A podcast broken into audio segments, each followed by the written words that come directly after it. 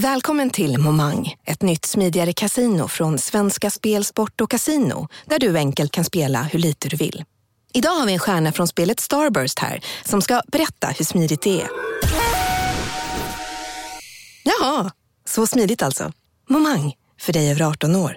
Stödlinjen.se. Välkommen till Unionen. Jo, jag undrar hur många semesterdagar jag har som projektanställd och vad gör jag om jag inte får något semestertillägg? Påverkar det inkomstförsäkringen? För jag har blivit varslad, till skillnad från min kollega som ofta kör härskarteknik på möten och dessutom har högre lön trots samma tjänst. Vad gör jag nu? Okej, vi tar det från början. Jobbigt på jobbet. Som medlem i Unionen kan du alltid prata med våra rådgivare.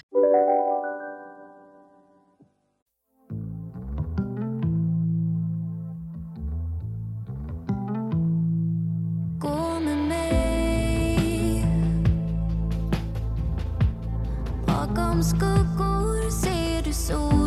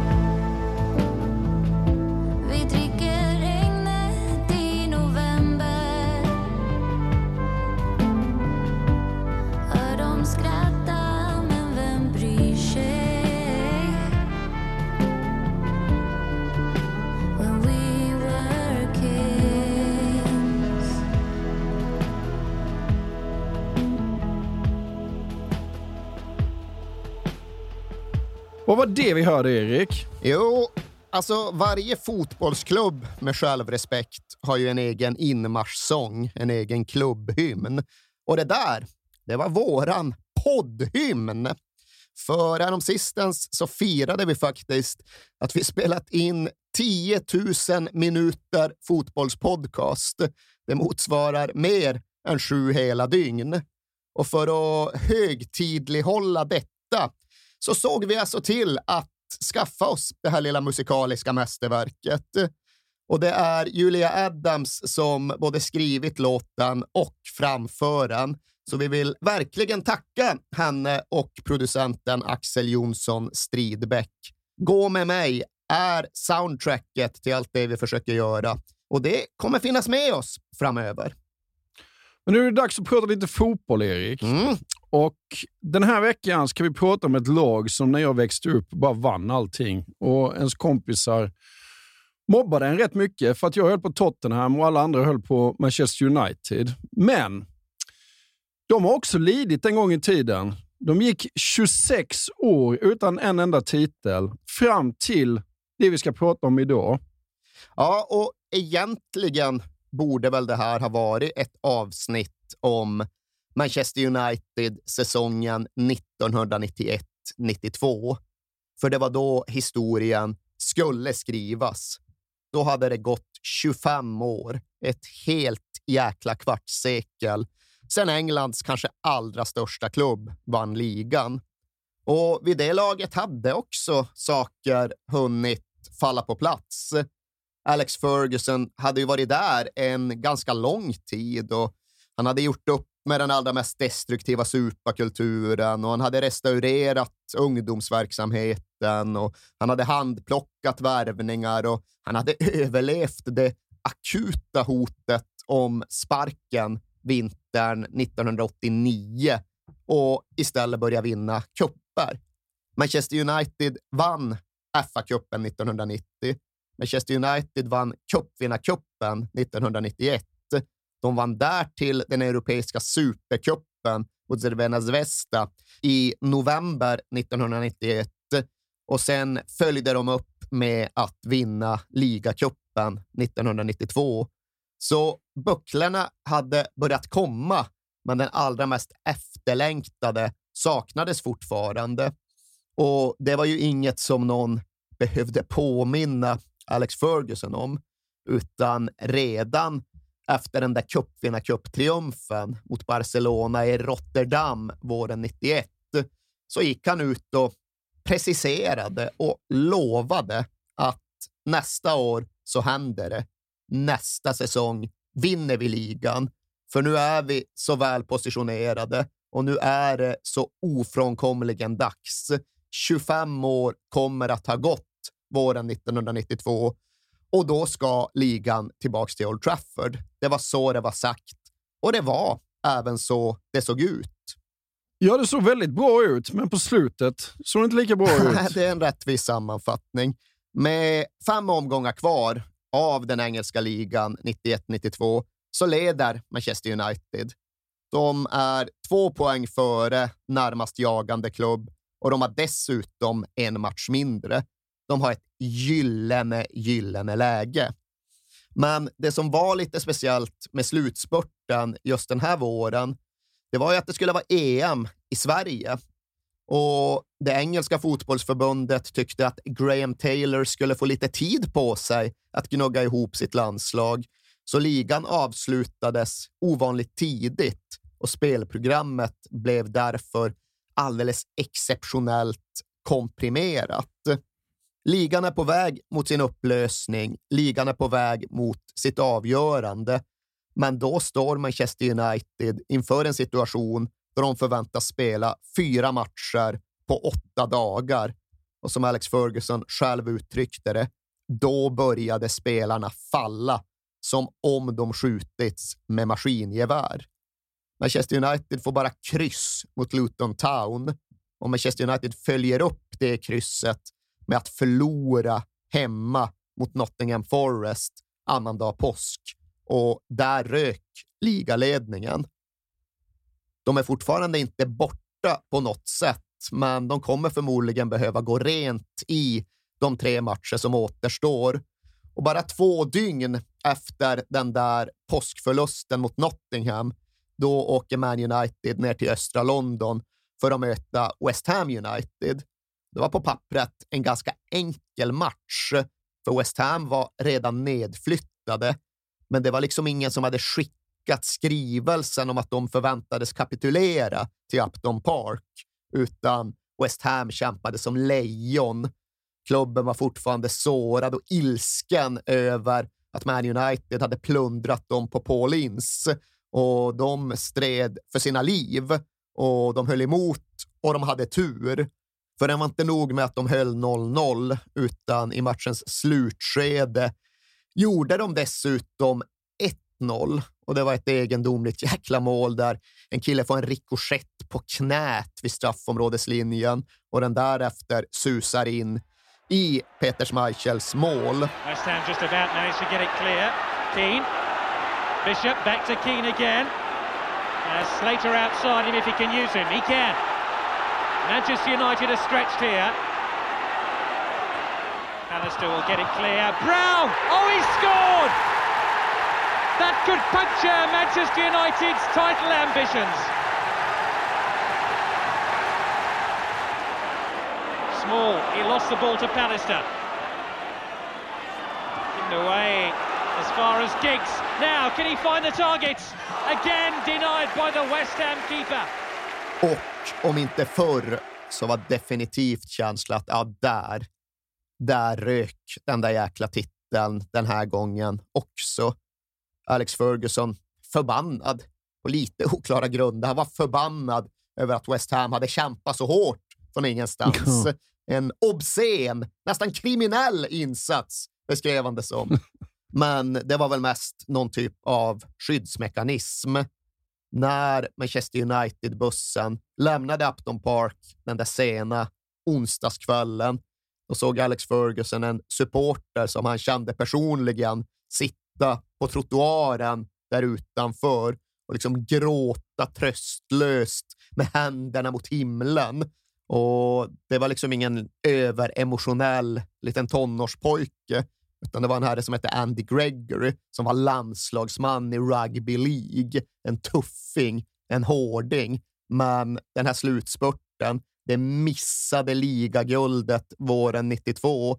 Ja, det fick till och med landslagsmän i rugby att gråta i förtvivlan för att, ja, ifall de inte skulle vinna den här gången från det här läget, när skulle de då egentligen någonsin, någonsin kunna vinna igen?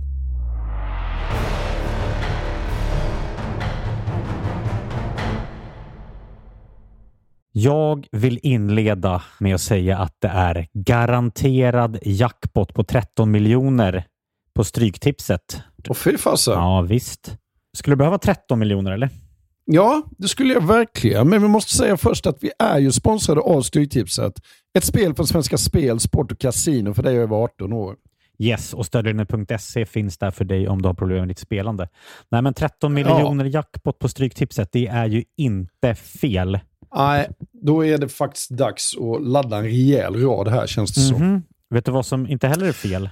Nej. Födelsedagsfirandet och alla härliga Mm. historier vi får in. Exakt, Mm. för vi är ju mitt inne i Stryktipsets 90-årsfirande som vi firar med att läsa upp fantastiska historier från våra lyssnare Yes. som skickar in dem till kings at perfectdaymedia.se. Precis, bomba på nu. Det är åtta månader kvar på det här firandet, så att, eh, vi kör nu. Mycket Stryktipshistorier vill vi ha Mm. och i dagens har vi fått från Peter som skriver så här.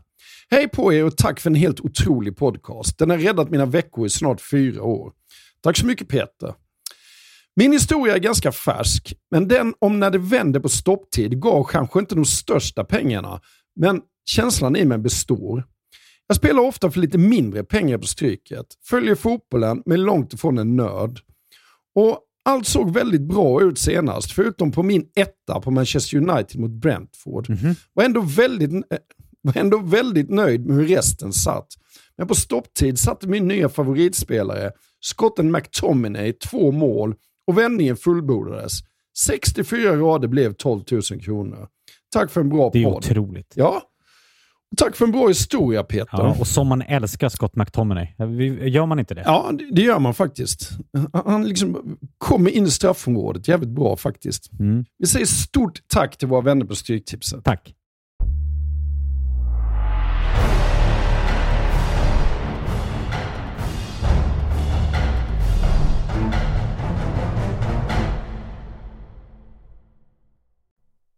Ska vi ta den här truppen? Ja, det, det vill du allt passa på att göra. Ja, men den här är ju också smaskig för oss Jo. som växte upp på den här tiden. Måste Ja, det är man säga. det är Ja. välbekanta namn, det är det men det går ändå rätt snabbt att smattra sig igenom truppen. Kanske just för att varje spelare inte måste introduceras så grundligt. Ni känner redan till dem. Ni vet att Peter Schmeichel stod i mål och ja, det hade han gjort i ett år. För sommaren 91 hade varit ganska, en ganska intensiv transfersommar för Manchester United. Då kom Peter Schmeichel, som nu för övrigt hade varit och blivit Europamästare med sitt Danmark. Och då kom även högerbacken Paul Parker. Och Paul Parker hade också etablerat sig som ett självklart första val i Man United-elvan.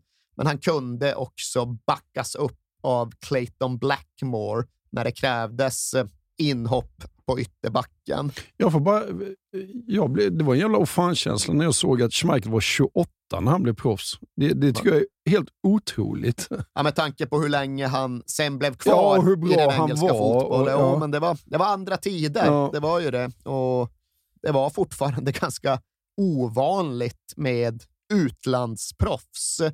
Men Schmeichel, ifall vi ska återknyta till honom, han kommer ju att spela alla ligamatcher under säsongen 92-93. Och det gjorde ju faktiskt innebacksparet också. Steve Bruce och Gary Pallister, eller som Alex Ferguson kallade dem, Dolly och Daisy, Ja. de var alltid där och de kompletterade varandra väl. Steve Bruce var ju då den klassiska brittiska mittbackstypen som aldrig backade ur en duell. Han gick in i alla situationer oavsett vilket och han vann de allra flesta. Och bredvid honom då Gary Pallister som verkligen hade blivit en typ av nyckelvärvning. För även om Steve Bruce kanske gick in i alla dueller så hade han inte alltid de fysiska attributen för att vinna dem. Det hade den resliga Gary Pallister. Han gav dem höjden för att hantera även de riktigt primitiva motståndarna. Det heter liksom Gary Pallister gav Man United förmågan att hantera även ett Wimbledon eller ett Crystal Palace Ja. för att han var så lång och Ja. så bra på huvudet. Och det kunde väl de flesta fatta bara genom att titta på honom. Sen är ju grejen med Pallister som inte är helt självklar för alla hur jäkla snabb han var Ja. jättesnabb. Någon gång, hade, någon gång långt, långt senare hade Man United Usain Bolt på någon typ av klubbbesök. Usain Bolt är ju engagerad Man United-anhängare. Han hade fått någon liksom meet and greet med Alex Ferguson och som den sprinter han var så kunde inte Usain Bolt hålla sig från att fråga vem som var den snabbaste spelaren som Ferguson någonsin hade haft var. Och Ferguson var Gary Pallister. Visst, liksom Ryan Giggs och Andy Kanchelskis, de var kvicka och de var explosiva och de var väl snabbare på kortare sträckor. Men 100 meter, en Usain Bolt-distans, Gary Pallister mördade dem och alla andra motståndare. Så de hade attributen, de hade egenskaperna för att komplettera varandra väl och de var som sagt alltid på plats i precis varenda ligamatch. Och det var egentligen Dennis Irvin på vänsterbacken också. Ja. Han kommer att starta 40 av 42 ligamatcher den här säsongen. Det är väl en av eh, Sir Alex stora favoriter genom alla tider? Ja, han älskade Dennis Ja. Irvin och hans pålitlighet Ja. kanske mer än någonting annat. Och det var ju också en sån där sak som han kunde säga lite kanske för dramatisk effekt och för att ta folk med överraskning. Att, men vilken var den bästa värvningen du någonsin gjorde till Man United? Ja, men ser man till valuta för pengarna så var det Dennis Irvin. Ja, men det är väl inte helt otroligt. Han, var billig och var fantastisk. Ja, och långlivad Ja. och sådär. Han kostar ju 625 000 pund från Oldham Athletic Ja. och Ferguson skulle i och för sig komma och göra fler valuta för pengar-värvningarna den här säsongen. Men det är lätt att begripa att han uppskattade Irvin, absolut. Ja. Och det är lätt att förstå att Manchester United mådde bra av den här defensiva kontinuiteten och stabiliteten som de ändå kunde utgå ifrån. Schmeichel alltid där, Pallister Bruce alltid där, Dennis Irvin alltid där och sen Paul Parker som var där, i alla fall för det allra mesta. Ja. Och därtill är det ju bara att fylla på med ett innermittfält bestående av spelare som alltid var där. Paul Ince spelade 41 av 42 ligamatcher Mm. och Paul Ince var otroligt bra på den här tiden. Han har inte liksom fått det eftermälet och han var inte lika bra lika länge. Men under den här fasen av hans karriär, då tvekar jag inte att säga att han var uppe på samma liksom tvåvägs mittfältarnivåer som Steven Gerrard och Frank Lampard sedan skulle nå till. Han var fullt jämförbar med Roy Keane som senare skulle komma till Manchester United. Och så tror jag väl inte att folk ser på honom idag. När man ser honom som en galen människa tänker man ju väldigt ofta på. Ju. Eller så jävla arg alltid. Jo, men har också fått rykte av sig och var liksom lite av en bluff. Liksom. Ja. Att han försökte vara den där arga tuffingen, men han ville samtidigt mest bara glida runt i fina kostymer. Och Ferguson och Ince gick ju inte riktigt ihop över tid. Nej. Det gjorde i och för sig inte Ferguson och Keane heller när det väl skar sig. Men Ferguson hade mycket lättare att känna igen sig i Roy Keane. Ja. Han hade därför mycket lättare att snacka upp Roy Keane medan han ja, på en personlig nivå det som faktiskt inte gillade Paul, Paul Ince Nej. något vidare. Men än en gång, i det här skedet av hans karriär var Ince ovärderlig. Och sen vid sidan av honom, ja, men där måste jag erkänna att jag själv också hajade till lite över statistiken. Jag var astounded, som de säger i England, över att Brian McClare faktiskt startade 41 matcher för Manchester United den här ligasäsongen. Och de allra flesta av dem gjorde han ju som partner till Paul Ince på innermittfältet. Ja. Det var den vanligaste mittfältsduon. Men McClare inledde säsongen på topp eftersom att ja, Manchester United inte hade några andra alternativ. Nej. Sen flyttades han tillbaka när truppen förändrades i november. Vi kommer till det. Ja. Men oavsett vilket så gjorde han 41 starter för Manchester United och det var inte jag klar över. Inte heller var jag klar över att eh, spelaren som inledde säsongen bredvid Ins på innermitt var Darren Ferguson, Ja. alltså Alex Fergusons son. Han startade de 15 första ligamatcherna Åh fan. och Ja. det var ju kulmen på hans karriär, Ja, ja. ärligt talat. Och det har ju alltid funnits en misstanke om någon typ av nepotism Ja. riktad gentemot Darren Ferguson och Alex Ferguson. Och i det här fallet så är det väl en befogad misstanke. Darren Ferguson var ju overpromoted. Han var inte kvalificerad för att spela på innermittfältet i ett lag som ville vinna ligatiteln. Utan när väl hans karriär satte sig, när han flyttade vidare från Old Trafford, ja, då blev det till att börja med Wolves i andra divisionen. Sen en kort utflykt till Holland där han inte riktigt landade och sen Wrexham. Ja. Och det var väl där, någonstans mellan Wolverhampton och Wrexham, som han hörde hemma i skarven mellan sig andra och tredje divisionen. Ja. Ingen oduglig fotbollsspelare. Det var liksom rimligt att han kunde livnära sig på sporten, men inte en innermittfältare bredvid Paul Ince i ett Manchester United som behövde spela sig fria från demonerna. Nej. Så bra var han inte. Nej.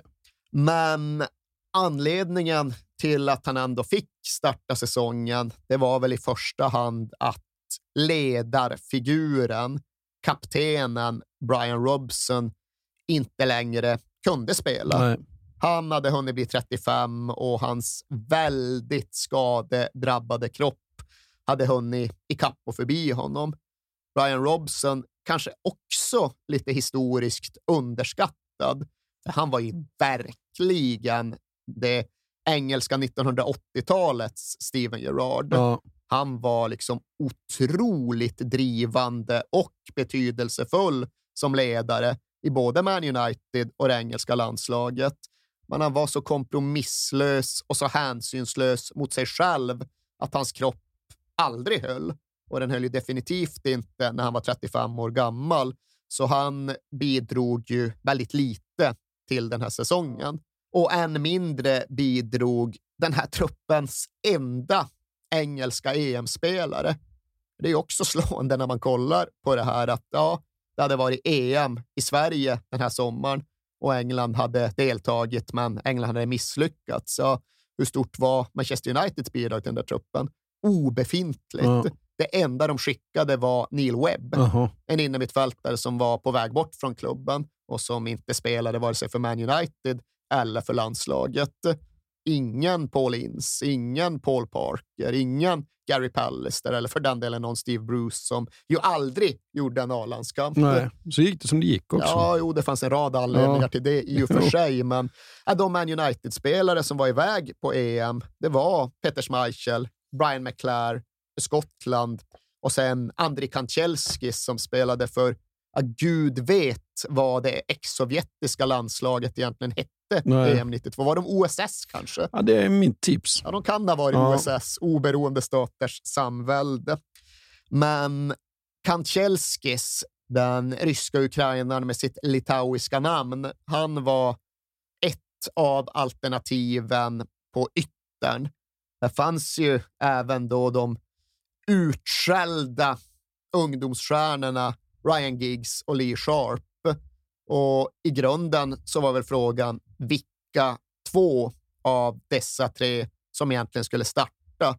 För in i säsongen utgick ju Man United från ett väldigt traditionellt 4-4-2 med två klassiska yttrar.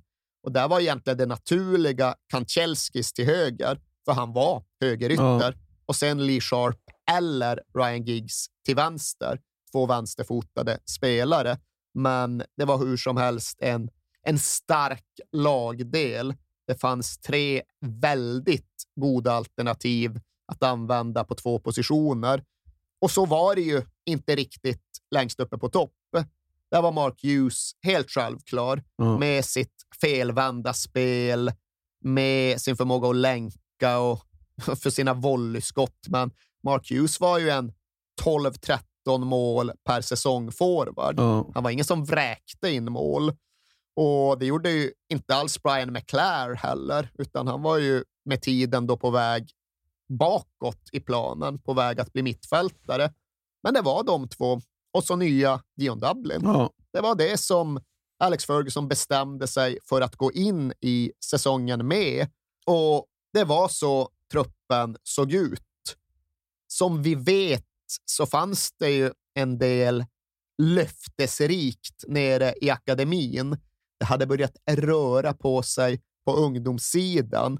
Men bortsett från gigs så var det ju ingen därifrån som gjorde något som helst avtryck på 92-93 säsongen. Det var ett år för tidigt. David Beckham spelade noll minuter i ligan. Paul Scholes spelade noll minuter. Gary Neville och Phil Neville spelade noll minuter. Den enda som överhuvudtaget deltog ur den där generationen, det var Nicky Butt som gjorde ett kortare inhopp Ja. mot Oldham hemma, tror jag det var. Ja. Got away from Sinclair. It's a great cross. Phelan arriving. Cantona maybe. Yes! Då är det väl dags att prata om, vad ska vi säga, den smartaste värvningen som Alex gjorde under hela sin karriär, eller? Ja, den enskilt mest betydelsefulla värvningen som transformerade hans lag, som förvandlade Manchester United till vinnare igen och som på så sätt ritade om hela den engelska fotbollens maktkarta. Men det var ju långt ifrån självklart att det skulle bli just den värvningen. För att United behövde få in en anfallare, det var helt oundvikligt i det här skedet. De höll ju på att tappa säsongen fullständigt. De var i desperat behov av en anfallare. Och Ferguson funderade och Ferguson resonerade och Ferguson sonderade. Vad fanns på marknaden? Vad behövde de? Vad kunde de få in? Hur mycket pengar hade de? Peter Beardsley, första tanken. Det skulle nog kunna bli någonting. Men nej, det fick han inte loss. Okej, annan typ då? Annan klubb? David Hurst. Ja, men det får det bli. Han var, utan att vara identisk i spelstil, ändå det närmaste Manchester United kunde komma någon typ av Alan Shearer-värvning. Hurst var fortfarande bara 25 år på uppgång och hade vräkt in mål för Sheffield Wednesday, men eh, de vägrade ju sälja. Det var väl ett jättebud på honom också? va? Ja, Ferguson faxade dit ett Ja. bud på, jag tror det var 3,25 miljoner pund. Ja. 35-40 miljoner kronor. Och det var vad Manchester United hade i det här. läget. De hade inte mer pengar än så. Det Nej. var ju som sagt ett stort bud, men Sheffield Wednesday höll emot för David Hurst var så viktig för ett Sheffield Wednesday som ju faktiskt också var uppe och jagade titlar Ja. under den här perioden. var ett bra lag. Hurst deras nyckelspelare. De sa nej.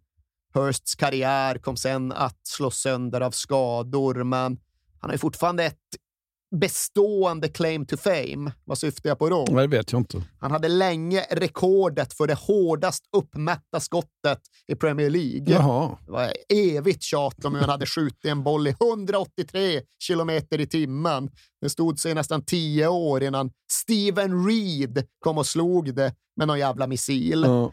Men det var längre fram i tiden. Nu är vi fortfarande i november 1992 och en allt mer frustrerad Alex Ferguson blir allt mer desperat, allt mer benägen att försöka sig på vilket halsbrytande värvningsförsök som helst.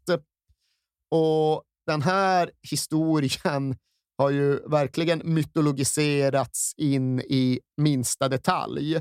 Och det finns nog, vad jag kan komma på, inget enskilt telefonsamtal i Nej. brittisk fotbollshistoria som det tjatats lika mycket om som det som gick från Leeds till Manchester den 25 november 1992.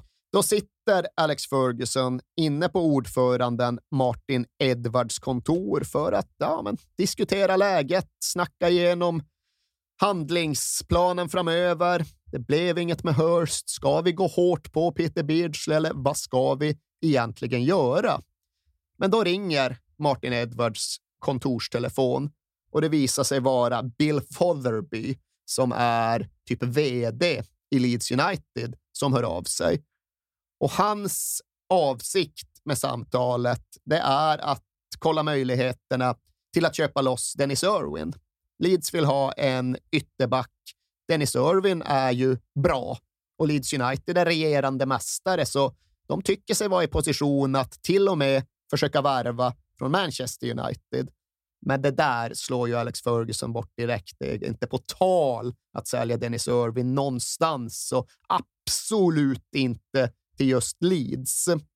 Men därefter finns det ju sen lite olika versioner av hur telefonsamtalet fortskrider. Martin Edwards har sin version och den är lite annorlunda än Alex Fergusons version. Men Fergusons är bättre, så vi kör på den. Ja. Och så som Ferguson vill berätta detta så är ju det som händer härnäst att Edwards pratar på lite i telefonen och Alex Ferguson får ett infall. Han får någon form av gudomlig värvningsinspiration som får honom att vilja prova till och med det omöjliga. Det får honom att skriva ner på en lapp i ett så anteckningsblock en uppmaning till Martin Edwards. Han skriver fråga om Eric Cantona och skjuter över den där lappen till Martin Edwards. Och först ska han mer eller mindre bara vifta bort den så Ferguson får använda all kraft han har i sitt kroppsspråk för att verkligen få Martin Edwards uppmärksamhet. Och till sist lyckas han få igenom sin vilja och sin uppmaning. Så Edwards frågar om Cantona och väntar sig såklart bara en avsnoppande avhyvling till svar. För Cantona, alltså nyckelfigur i det Leeds som vann ligan. Enligt myten drivande i deras eh, slutspurt mot titeln. Sen gjorde han i och för sig bara tre mål på Ja, sex precis. starter. Mm. Men vad tusan, Mm. det var ändå så bilden hade blivit. Och därtill ska det ju sägas att han hade exploderat in i den efterföljande säsongen. Hattrick i Charity Shield-matchen mellan liga och cupvinnare. Sen ett nytt hattrick i Premier League mot Spurs. Ja. Sju mål på de sju första Premier League-matcherna. Alltså det är klart att det inte borde vara möjligt. Det borde inte vara en värvning som Leeds skulle göra någonting annat än att bara skratta åt. Men vänta nu, det verkar ju som att han... Mhm, mhm. Ferguson hör hummanden och nickanden och bifall från Edwards och luren läggs på och Martin Edwards lite överraskat säger att ja, du, verkar, du verkar vara något på spåren här. De var inte alls främmande för det här scenariot, utan Fotherby skulle kolla lite med managern Howard Wilkinson och sen ska de höra av sig igen om en halvtimme. Ja. Och den där halvtimmen gick och Fotherby ringer tillbaka och säger att ja, det är fullt möjligt. Vi kan absolut sälja Cantona till Manchester United. Vi ska bara komma överens om priset. Och här ska vi då minnas att Manchester United hade faxat in ett bud på drygt 3 miljoner pund för David Hurst. Den här förhandlingen börjar vid 1,6 miljoner pund, Mm. halva priset. Och sen pressar Martin Edwards dessutom ner priset. Och även här beror det lite på vad man lyssnar på Mm.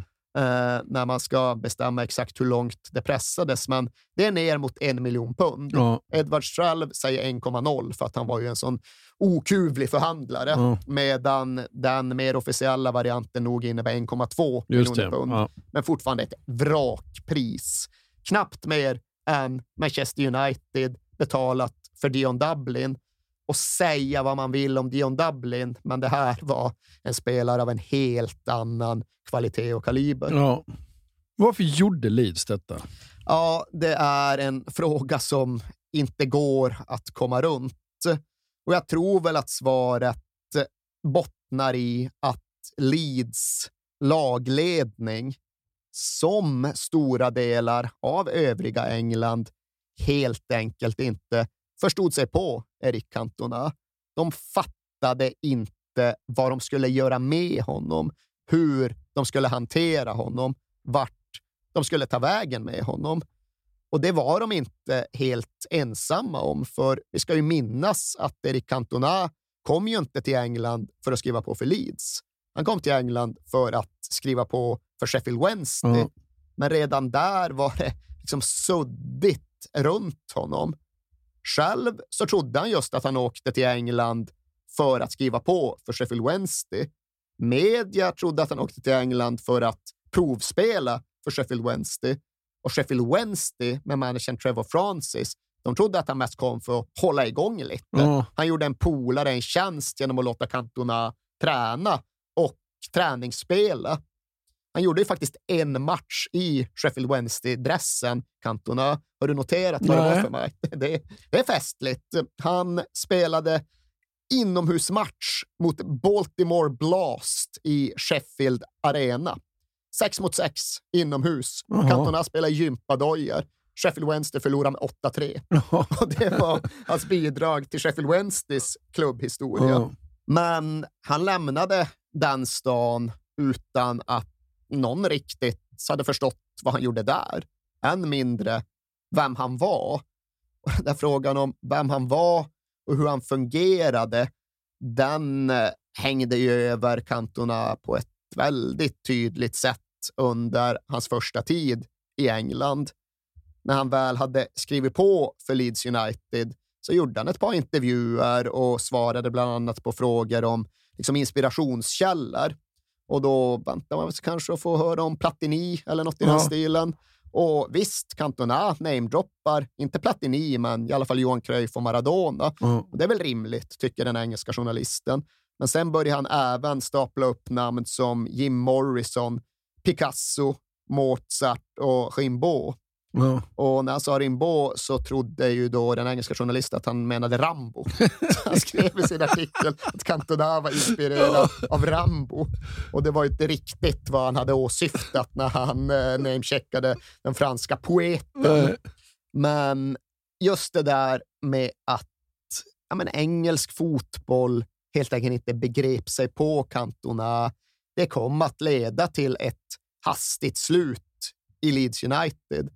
För Howard Wilkinson, Leeds manager, han var ju old school. Ja.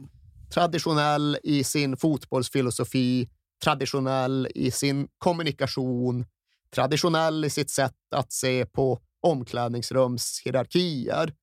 Och han insåg ju också att Cantona var en jättebegåvad spelare och han tyckte också att han gjorde en del nytta på vägen fram mot titeln. Men för den sakens skull så kunde inte han få ihop ett pussel som innebär att Cantona dels skulle ha andra uppgifter på planen, i någon mån även påverka hela lagets spelsätt och därtill ha någon form av särställning och särbehandling i omklädningsrummet. För absolut, det var något sånt som krävdes för Cantona. Det var något sånt som Cantona krävde, men Wilkinson var inte beredd att ge honom det.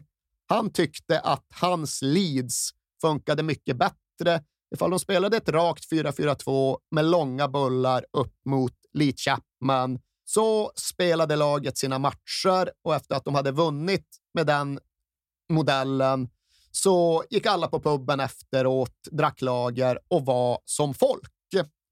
Men Cantona var inte som folk och Cantona reagerade ju också när Wilkinson försökte tvinga in honom i ledet. Ja, men nu beter du dig så här och nu spelar du så här, annars blir det bänken. Och när det började bli bänken för Cantona på de premisserna, ja, då fick det inte direkt spelare och tränare att närma sig varandra, utan den splittringen som fanns mellan dem blev snabbt bara större och större. Och det fanns ett Champions League-kval mot Stuttgart. Det där som behövde spelas om eftersom att Stuttgart använde sig av för många utlänningar. Då Cantona var misslyckad och han slog någon indianare som Stuttgart gjorde mål på och var på väg att kosta dem Europacupspelet.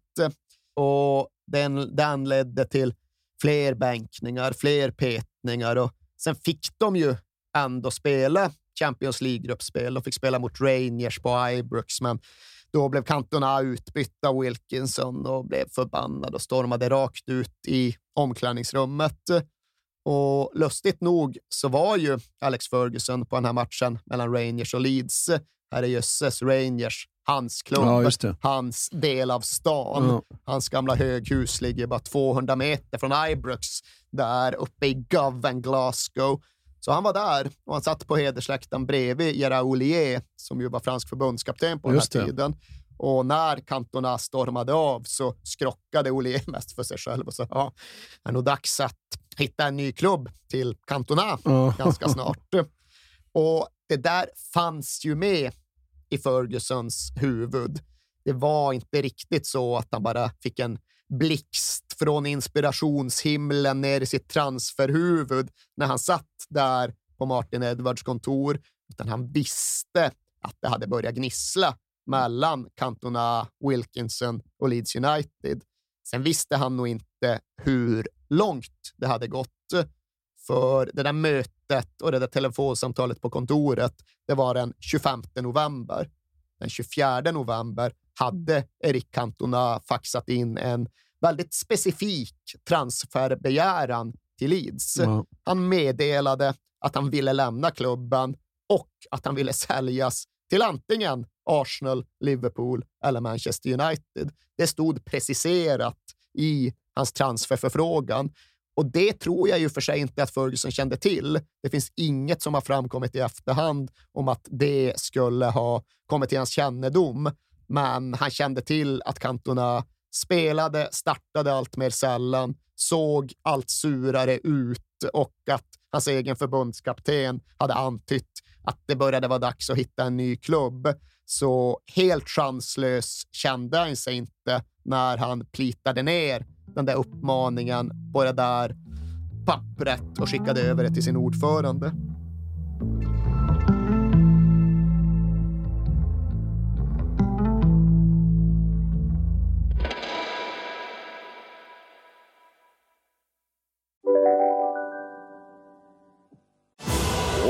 Tillbaka till Sibylla där sportbörjaren nu laddar för mål. Otroligt taggad och toppat formen med stekt lök och dubbel cheddarost. Det här blir en riktigt god match! Sportbörjare, ett original i godaste laget. Från Sibylla. Hej, Synoptik här. Visste du att solens UV-strålar kan vara skadliga och åldra dina ögon i förtid? Kom in till oss så hjälper vi dig att hitta rätt solglasögon som skyddar dina ögon. Välkommen till Synoptik. Just nu till alla hemmafixare som gillar Julas låga priser. Ett borr och bitset i 70 delar för snurriga 249 kronor. Inget kan stoppa dig nu.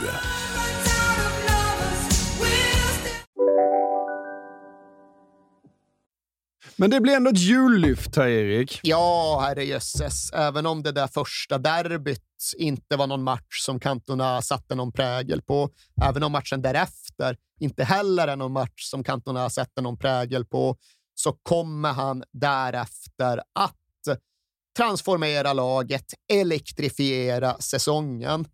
Det första han gör av värde, det är ju kvitteringsmålet mot Chelsea borta på Stamford Bridge i sin tredje Premier League-match.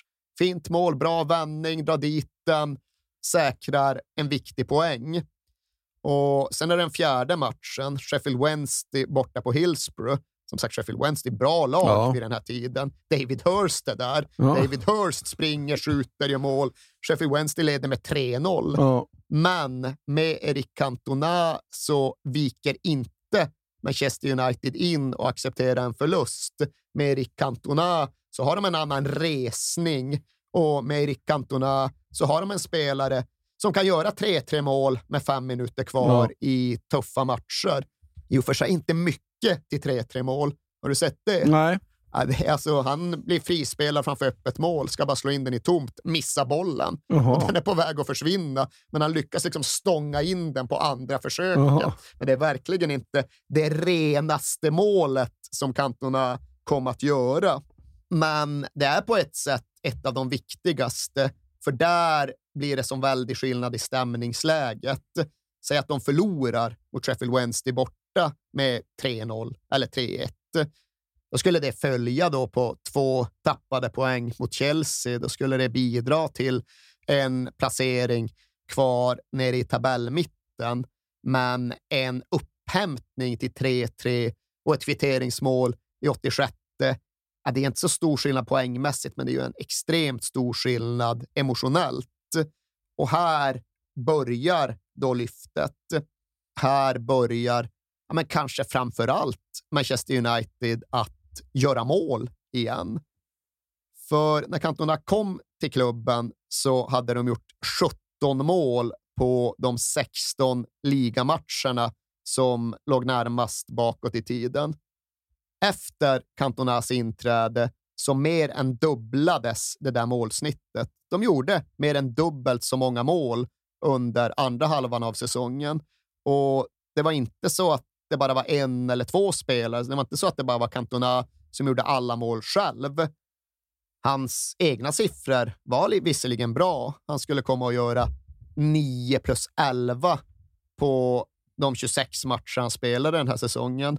Och nio mål, ofta tunga, avgörande mål, det är ju bra.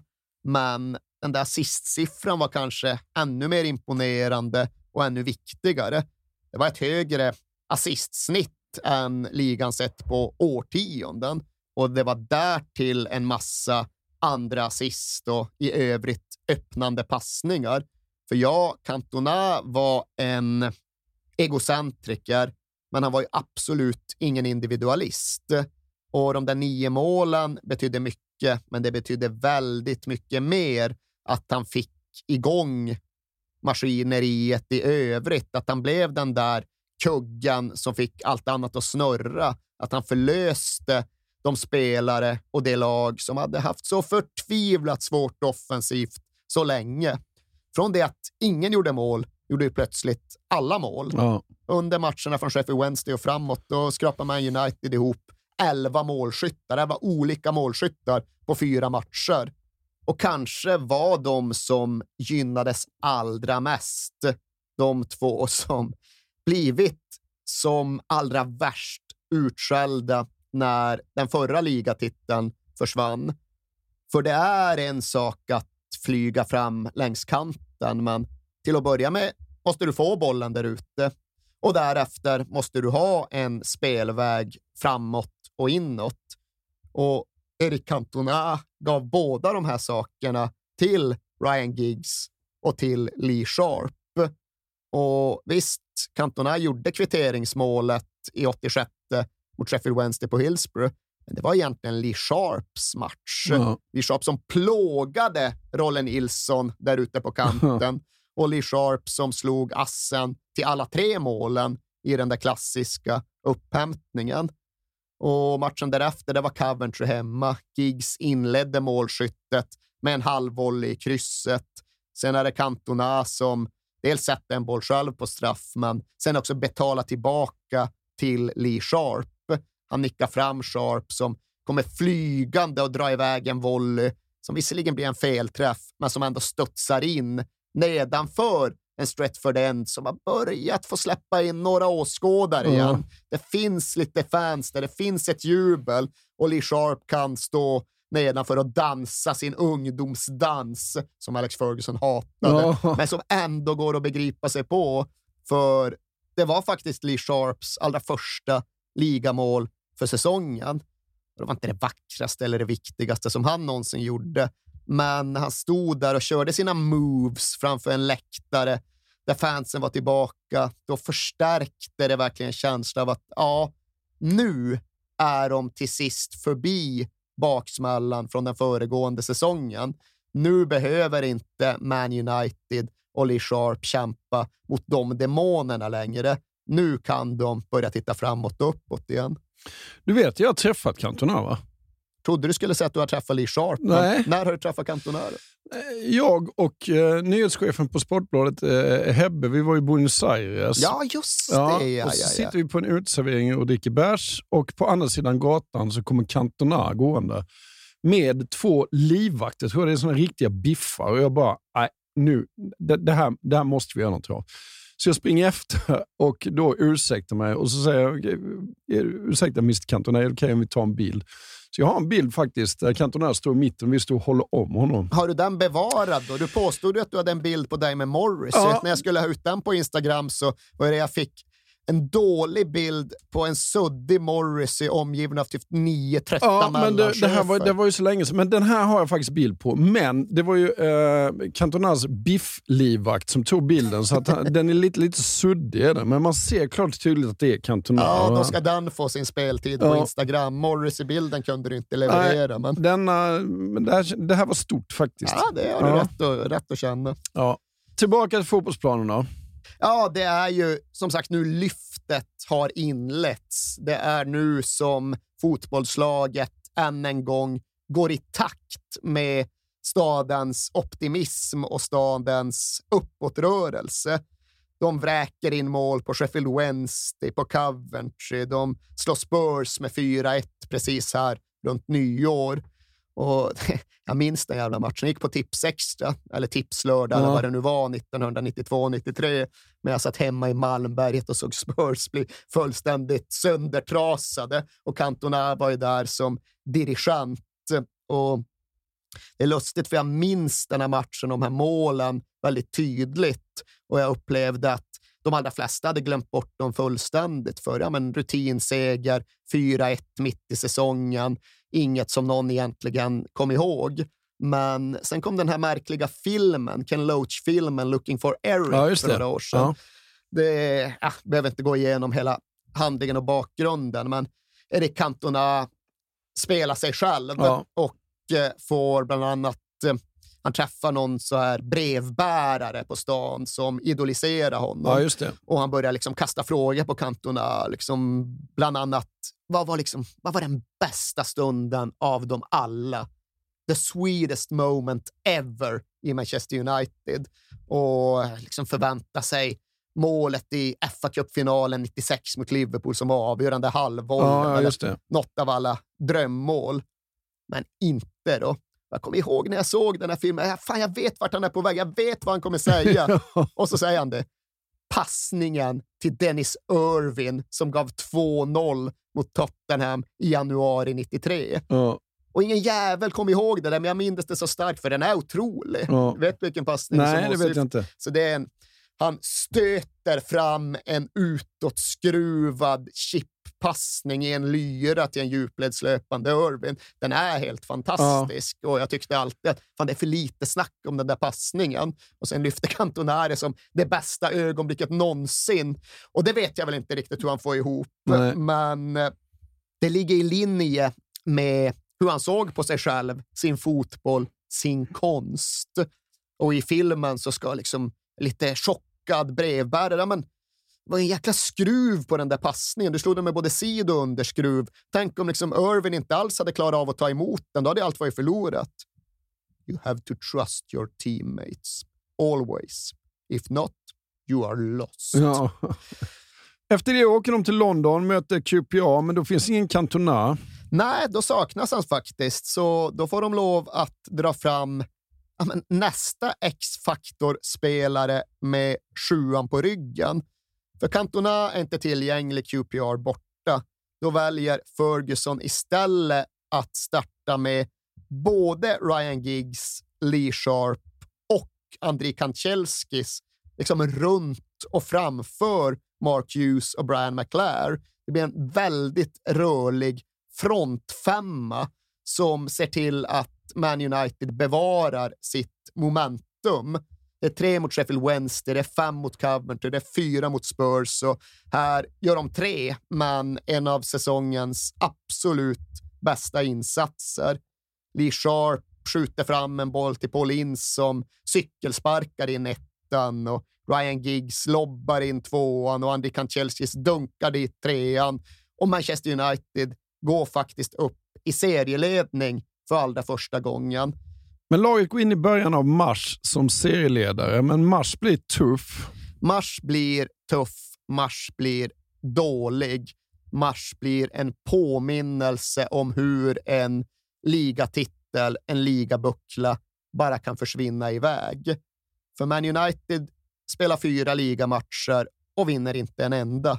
De förlorar mot lillebrorsan Oldham Athletic i en match då Cantona saknas. De spelar sen kryss i toppmötet mot Aston Villa. De följer upp det med ytterligare ett kryss i derbyt mot Man City och därpå ännu ett kryss mot Arsenal. Och där rök serieledningen. Ja. Helt plötsligt är det tredje plats igen. Visserligen med en match mindre, men Aston Villa leder och Norwich ligger också före. Och där står Manchester United när april sen börjar. Ja, och då ska de möta just Norwich borta. Sensationslaget Norwich, som då var i serieledning. De var på väg att bli den tidens Leicester City. Ja, just det. I alla fall på så sätt att ja, de höll på att åka ur den föregående säsongen och sen dess hade de inte förstärkt. Det enda de hade gjort var att de hade sålt sin största stjärna, anfallaren Robert Fleck. Men Norwich skilde sig från Leicesters titellag så tillvida att ja, men de var ett bolltrillargäng. Och ja, de skilde sig från Leicesters titellag 2016, då skilde sig från alla andra lag i England 92-93 genom att vara en typ av possessionlag. Ja. De stod och liksom trillade boll och sydde ihop trianglar. Det finns de taktiska analytiker som menar att ifall Norwich bara hade hållit undan, ifall Norwich bara hade vunnit ligan, ja, då hade hela det engelska 90-talet kunnat se annorlunda ut, för då hade förmodligen de satt strand och bildat skola och då hade det kommit en våg av possessionlag in i den engelska fotbollen. Men nu blev det inte riktigt så, för nu höll inte Norwich undan i ligatoppen och nu blev de överkörda av Manchester United i det som trots allt kom att få väldigt stort taktiskt inflytande. Det finns en analysguru i England som heter Michael Cox, skriver både böcker och artiklar och är väldigt flitig på sociala medier. Och han har beskrivit Manchester Uniteds prestation i toppmötet borta mot Norwich som den enskilt mest taktiskt inflytelserika laginsatsen i Premier Leagues historia. Oj då. Ja. Och vad gjorde då Manchester United och Alex Ferguson den här kvällen? Den här måndagskvällen, Mm. live on Sky, Aha. som Alex Ferguson hatade. Jo, det de gjorde var att de spelade, ja, du kan antingen säga att de spelade med tre yttrar eller att de spelade med två falska nior. För som vi nämnde tidigare så släppte Ferguson loss Giggs, Sharp och Kantjelskis mot QPR borta på Loftus Road. Det gick förträffligt, men sen försvann Kantjelskis ur ekvationen och därför var inte den varianten aktuell på ett tag. Men på Loftus Road hade Cantona saknats och på Carrow Road i Norwich så saknades Mark Hughes. Så ingen självklar nia längre. Vad gör Ferguson istället? Han ställer upp med en offensiv kvintuppel. Heter den så? Kanske. Han har då tre yttrar, men när Kanchelskis går som ett expresslok till höger och Lee Sharp i motsvarande roll till vänster. Och innanför dem som central anfallare Ryan Giggs. Men han var ju ingen nia som Mark Hughes, utan han var en typ av falsk nia på så sätt att han fladdrade runt i djupledslöp och i löp ut mot kanterna på ett sätt som Hughes aldrig gjorde. Det är ju dock inte riktigt vad vi avser med en falsk nia idag, utan när vi pratar om falska nior, ja, då brukar vi prata om anfallare som droppar ner i mellanytan ytan och länkar spel snarare än någonting annat. Och det gjorde ju Erik Cantona. Ja. Det var det han gjorde i Manchester United, men han brukade göra det med Mark Hughes framför sig. Nu gjorde han det istället med Ryan Giggs framför sig och därtill gjorde han det flankerad av både Brian McClare och Paul Ince som kom med penetrerande löpningar bakifrån. Så kvintupel räcker fan inte till. Det är en sextett. Ja. En offensiv sextett som Ferguson ställer upp med. Men lika fullt så väljer han ändå ett ganska lågt lag, ett ganska lågt utgångsläge. Och det gör han ju för att hitta bra bollvinster och ge sina egna spelare mycket gräs att springa in på. Och det är ju det som händer i den här matchen. Att Manchester United vinner bollen ja, men runt mittplan och sen skenar de iväg med alla sina löpare på djupet och sen slår Cantona in bollar på de som springer. Och det funkar ju helt häpnadsväckande bra. Det är alltså serieledarna borta Manchester United spelar mot. Det går 20 minuter, sen har de sprungit in tre mål. Ja. Och det är gång efter gång efter gång. Första målet de gör, då har de alltså tre spelare fria.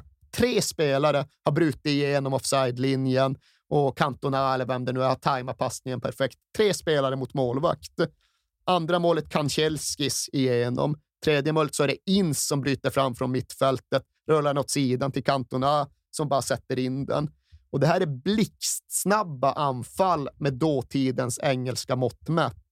Första målet, från bollvinst till mål, 12 sekunder. Andra, 14 sekunder. Tredje, 9 sekunder. Och just det här sättet att tänka bollvinst, omställning, kontring, ja, det låter inte så spektakulärt för en samtid som att titta på Jürgen Klopps lag i tio år. Nej. Men 1993 så tog det i alla fall Norwich City med chock och England med häpnad.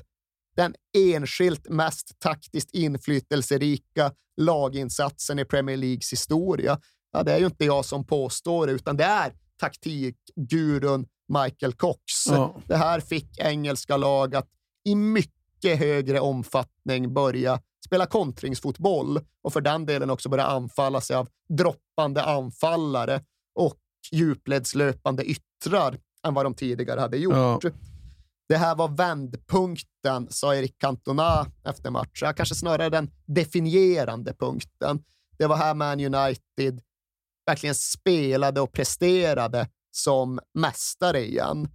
En insats som överträffade våra egna förväntningar, sa Steve Bruce och Alex Ferguson letade liksom efter orden. Frightening använde han några gånger, men sen eh, fastnade han för breathtaking. Ja. Det var adjektivet han kom att använda. Breathtaking på skotska. Det upprepade han gång på gång. Det var en laginsats som var breathtaking, Ja. men tror du han var glad efter matchen, Alex Ferguson? Det var han säkert inte. Han var rasande Ja.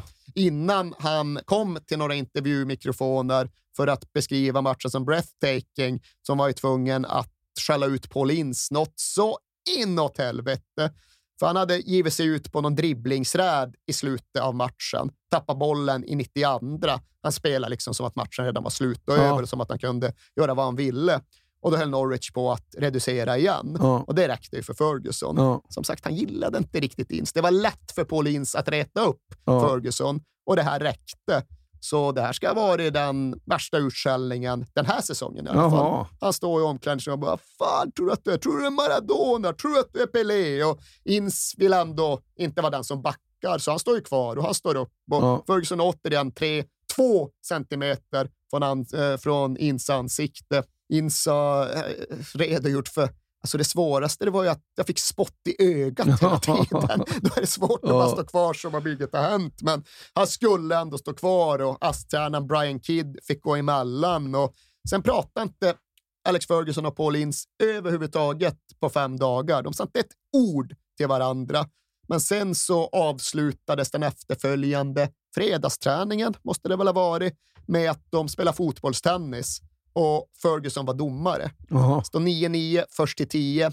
Inns ju en bicykleta Och han hävdar ju att den är rätt på linjen.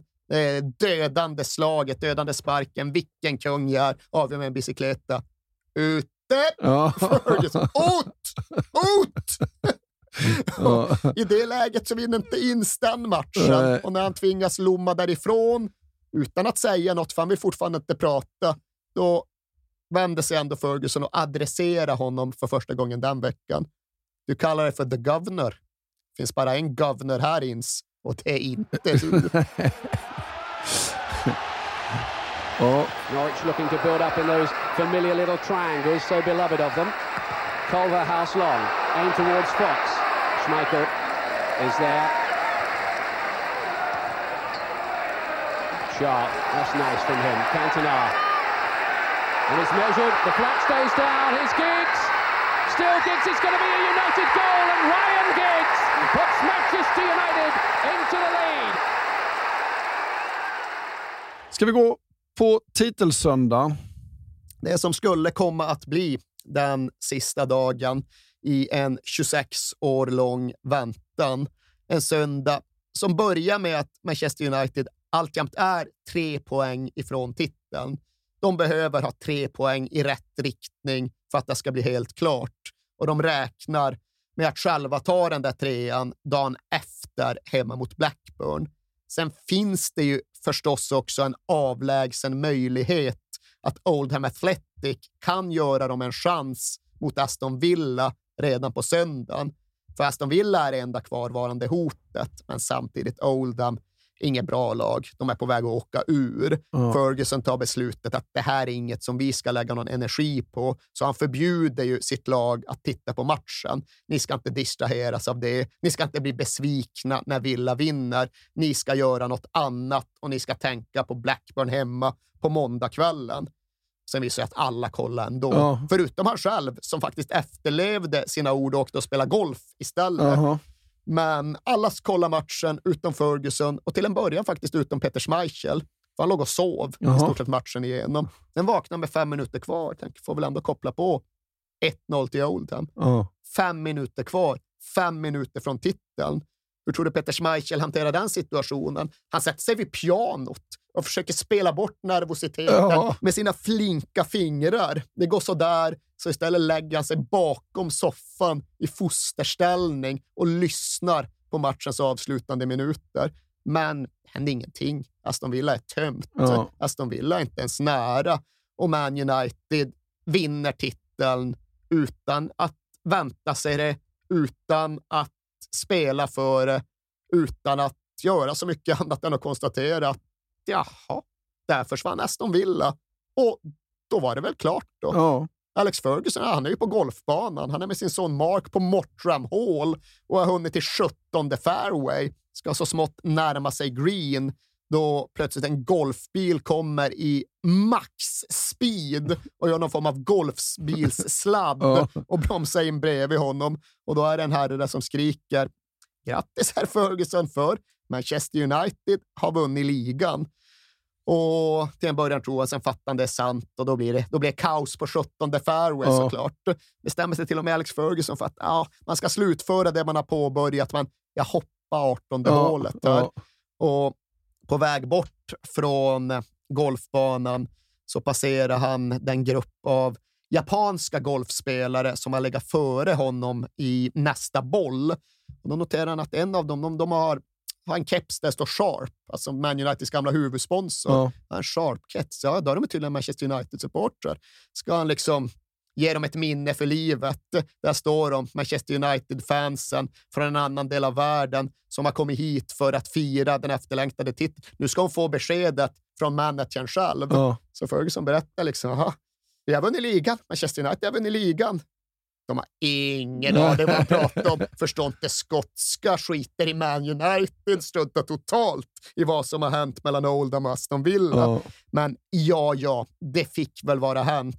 Ferguson tog sig mot sitt firande och laget trummade ihop till sitt. När Peter Schmeichel väl reste sig, kravlade sig upp i sin fosterställning och stormade han bara rätt ut på gatan för att göra någon typ av djungelvrål. Liksom. Ja. Och när han är där så kommer Steve Bruce också, för de är grannar. Ja, fan, du är mästare, vad händer Stevie? Ja. Ja, fest hos mig.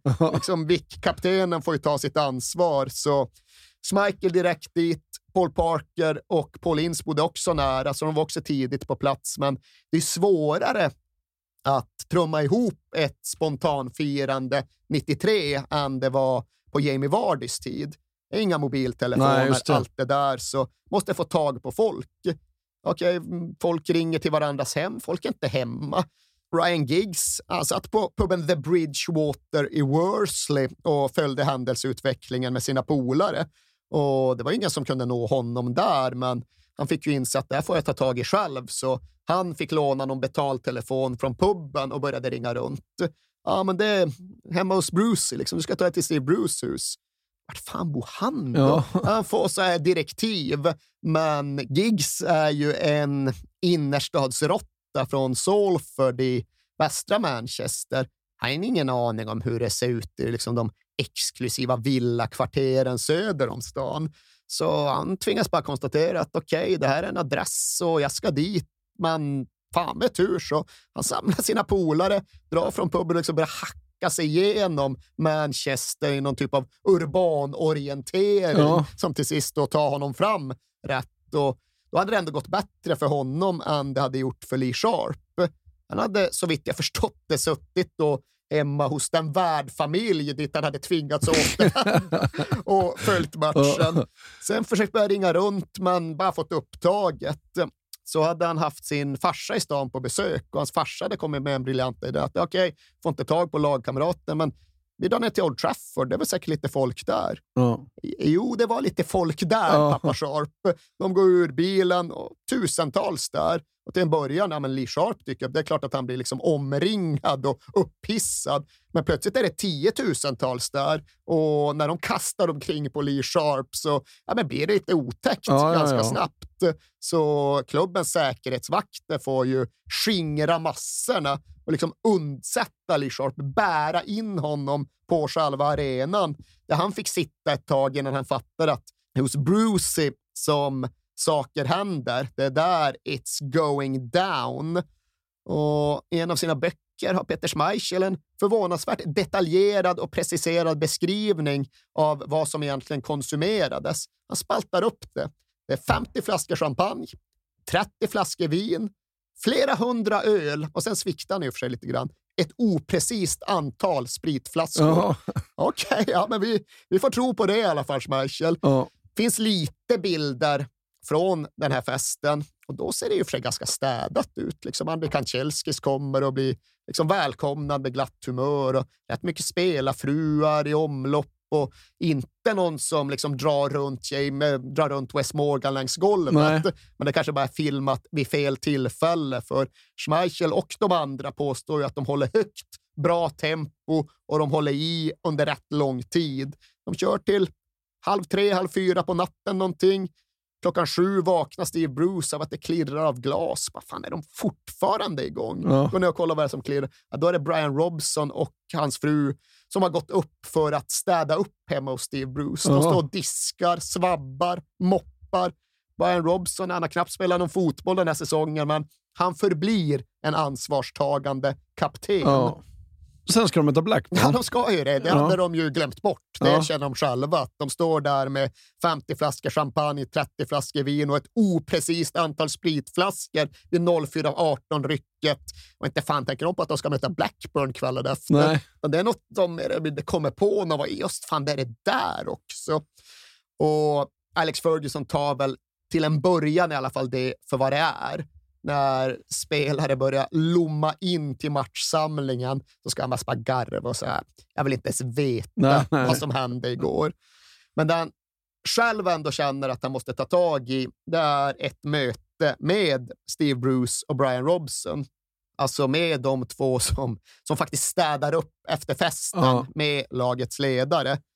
Nu är det ju så här att Brian knappt har spelat den här säsongen, men det är ändå Brian som är kapten. Hur ska vi göra med buckellyftet? Vem, vem ska ta det?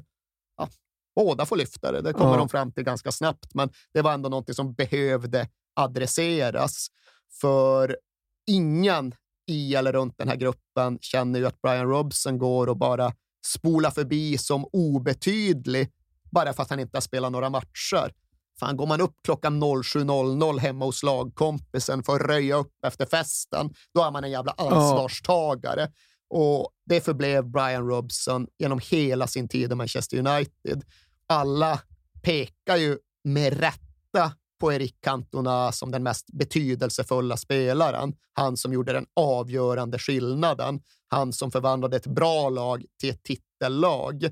Men utan Brian Robson, inget lag. Nej. Han var ryggraden som höll ihop det, framför allt under åren då de inte var så bra. Framför allt under åren då de unga killarna kunde ta vilken väg som helst genom livet och karriären. Ryan Giggs älskar Brian Robson. Ja. Han kom in som lövtunn debutant. Vad kan han när han debuterade? 59 kilo, Ja. något sånt där. In i den engelska 1980-talsfotbollen. Ja. Man brukar dra en anekdot om när de mötte Sheffield United borta, typ 1990. Och ja, Han försöker spela sitt spel och utmana. Backen förklarar bara för honom, gör du det där en gång till så bryter du benet. Ja. Det är så det är. Och en lite bekymrad Ryan Giggs eh, återberättar detta för Brian Robson. Okej, du kommer spela inne mitt fält i tio minuter. Jag ska spela vänsterytter ett tag. Går inte tio minuter. Det är någon närkamp. Det är någon, något meningsutbyte. Sen går Robson tillbaks till Giggs och säger ah, yeah, you can go back now. Problem solved. Ja. Och utöver allt annat så var han någonstans hälften livvakt, hälften agent och karriärrådgivare åt de här unga killarna. När Giggs och Sharp skulle förbättra sina kontrakt, för de såg inget vidare ut under första åren med Ferguson, det var Brian Robson som förhandlade upp Ja. dem. Sexdubblade deras lön Ja. från 1000 till 6000 pund i veckan. Dansade ur rummet, gjorde Lee Sharp. Och sen köpte de Brian Robson en Gucci-klocka som tack. Brian Robson fattade inget. Vad fan är det här? Ja. Vad är Ja. detta? Det går att säga en grej till faktiskt om, om Brian Robson. Det är ju att när Alex Ferguson tog över Manchester United 86, va? så efter tre säsonger så var två spelare ur den ordinarie truppen kvar. Och en, en var Brian Robson. Den andra vet, vet jag knappt vem det var. Liksom. Nej, och grejen också med Robson att han tillhörde det där gänget som drack 400 Exakt, det var det jag pints tänkte 86. också. Ja, han ville Men rensa han- bort det, men han höll kvar honom ändå. Ja, dels för hans betydelse, men också för att Brian Robson faktiskt hade vett nog att ställa om. Okej, nu får vi inte dricka 400 pints längre, nu får vi dricka 8. Jaha, men då är väl det då. Ja. Snarare än att liksom klamra sig fast vid rätten att supa bort sitt liv. Ja. Men det är ju lite kul också för det är väl, det är väl Steve Bruces mm, största mediala bidrag till allt det här. Det där med att han drog runt med sin videokamera och såg till att den fanns närvarande. För det gör ju att Alex Fergusons team talk inför den här Blackburn-matchen finns bevarat. Och det är inte magnetiskt, det är inte elektriskt, men det är kul att lyssna på. Och bland det första han säger, ja, men nu ska vi ändå spela den här matchen. At halftime, pop. Pop är Brian Robsons smeknamn. Ja. At halftime, pop will come on for one of you's unfortunate bandits. och han gör det tydligt att eh, jag kommer byta in Brian Robson, men jag byter ut den av er som inte presterar. För okej, ni har fått dricka, jag ser mellan fingrarna på detta, men ni ska fortfarande vinna. Ja. Okej, ni kan vara bakfulla, ni har fel, men ni ska fortfarande vinna. Ja. Vi har redan vunnit ligan, vi ska, men ni ska fan fortfarande vinna. Och utifrån det betonar han ju visserligen att det är en... Men det här är ju perfekt för Ferguson. Han trodde alltid på det där att en stor del av en fotbollsspelares karriär kommer definieras av förmågan att hantera press, skräck för förlusten och ren jävla ångest. Men den här dagen så finns inte det. Nej. Det finns inte någon press och ingen ångest. Så spela avslappnat, men ni måste vinna. Och finns så många fans här ute och de är så glada, ni har gjort så mycket för dem, men svik dem inte. Och sen är väl någonstans slutklämmen att han refererar till kvällen som the greatest night of your lives. Återigen just privilegiet att spela utan press. If you're not truly confident tonight, you will never be. Nej. Men det närmaste han kommer en hyllning till det egna laget, det är väl att han refererar tillbaks till något som han tydligen har pratat med dem om något år tidigare, en psykologisk modell han har försökt sig på. För han säger att kom ihåg nu vad jag sa, sa till er för några år sedan, för idag så förstår ni att det var sant. Då sa jag att ni skulle titta er omkring i det här omklädningsrummet. Skulle ni gå igenom var och en av spelarna och för varje kille ni tittar på så kommer ni känna, fan, jag är glad att han är på mitt lag. Och jag är Ja. glad att han är på mitt lag. Och jag är glad att han är på mitt lag. Och nu har ni någonstans bevisat för er själva att jag hade rätt. Och de slår ju Blackburn. Till slut, de hamnar tidigt, i- de är rätt trögstartade, Ja. så de hamnar ju tidigt i underläge när Kevin Gallagher stöter in en boll. Men sen kvitterar Giggs före halvtid med en grym jävla frispark. Men ja, halvtidssnacket finns ju också bevarat. Då är ändå Ferguson rätt uppe i varv, tummar på. Vill inte att vi ska förlora. Jag vill inte att vi ska ha sju förluster när vi stänger den här säsongen. Vi ska inte ha sju förluster. Och det blir inga sju förluster för ett lite mindre bakfylledrabbat Man United spelar ut Blackburn i andra halvlek. Och Paul Ince gör mål och Gary Pallister av alla gör mål. Ja. Den enda i laget som inte hade gjort ett enda mål den här säsongen. Han får slå en frispark i sista minuten och ta med tusan om den inte går in i mål. Ja. I can't fucking believe it kan man läsa på Pallisters läppar när han jublar. Och det läste hans farmor också på hans läppar, Jaha. så jag fick en jävla åthutning när han kom hem. Ska inte svära i tv. Nej. Men den innebar i förlängningen att Manchester United skulle komma att stänga den här säsongen med en resultatrad på 24 vinster, 12 kryss, 6 förluster. 26 år tidigare, 1967, då de senast vann ligan, då stängde de den säsongen med 24 vinster, 12 oavgjorda och sex förluster. Och det blev ju så väldigt starkt en känsla av att historiens cirklar slöts den här kvällen. Manchester United hade varit hela vägen ner i ökendalen och nu hade de kommit upp och hela vägen runt igen. Nu var de återigen där de skulle vara. to where the broadest smile inside Old Trafford, and it was almost the last kick. Manchester United finish on a high note appropriately. Three goals to one. Brian Robson fittingly on the field at the end. As the real celebration now gets underway. And that's the moment Old Trafford has been waiting for since 1967. Den känslan förstärktes ju ytterligare av att hjältarna från förr var ju där. De var på plats på Old Trafford. Både de som hade varit med och överlevt flygkraschen i München 1958, men också de som hade varit med och vunnit ligan 1967 och Europacupen året efter. De som hade fått klubben att resa sig igen. Och Bill Fowkes och Bobby Charlton, ja, de hade ju varit med om allting. Ja. Både om tragedin och om triumferna. Dennis Law och George Best, ja, de var inte där i München, men de lyfte de största bucklorna. Och de var där igen och fick se Manchester United göra det igen. Och George Best drack såklart champagne i tv. Ja, ja. Och han själv, Dennis Law och Bobby Charlton, ja, de skulle ju komma att bli statyer utanför Old Trafford. Men ändå bleknar ju de någonstans i signifikans gentemot sin gamla tränare. Mannen som också var där. Sir Matt Busby, gammal, ärrad, märkt av livet. En man som både hade sett och upplevt precis allting med Manchester United. Som hade förlorat några av sina allra bästa den där hemska dagen i München, men som ändå vägrade låta klubben dö.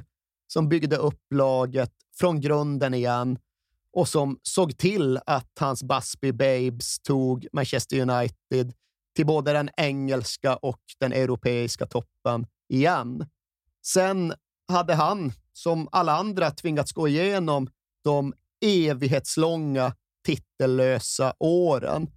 Och Mats Basby var ju så gammal och hans hälsa var så skör att det hade funnits fog för att frukta att han aldrig skulle få uppleva en till titel på Old Trafford. Men här var han och här var bucklan. Och när Old Trafford sjöng sin Always look on the bright side of life, då panorerade kamerorna upp på läktaren och fångade Matt Busby när han sjöng med. Och det skulle tyvärr inte dröja många månader innan han dog. Men han hann vara där. Han hann uppleva den där kvällen och han hann hinna se den där bucklan på Old Trafford igen. Han hann se historiens cirklar slutas.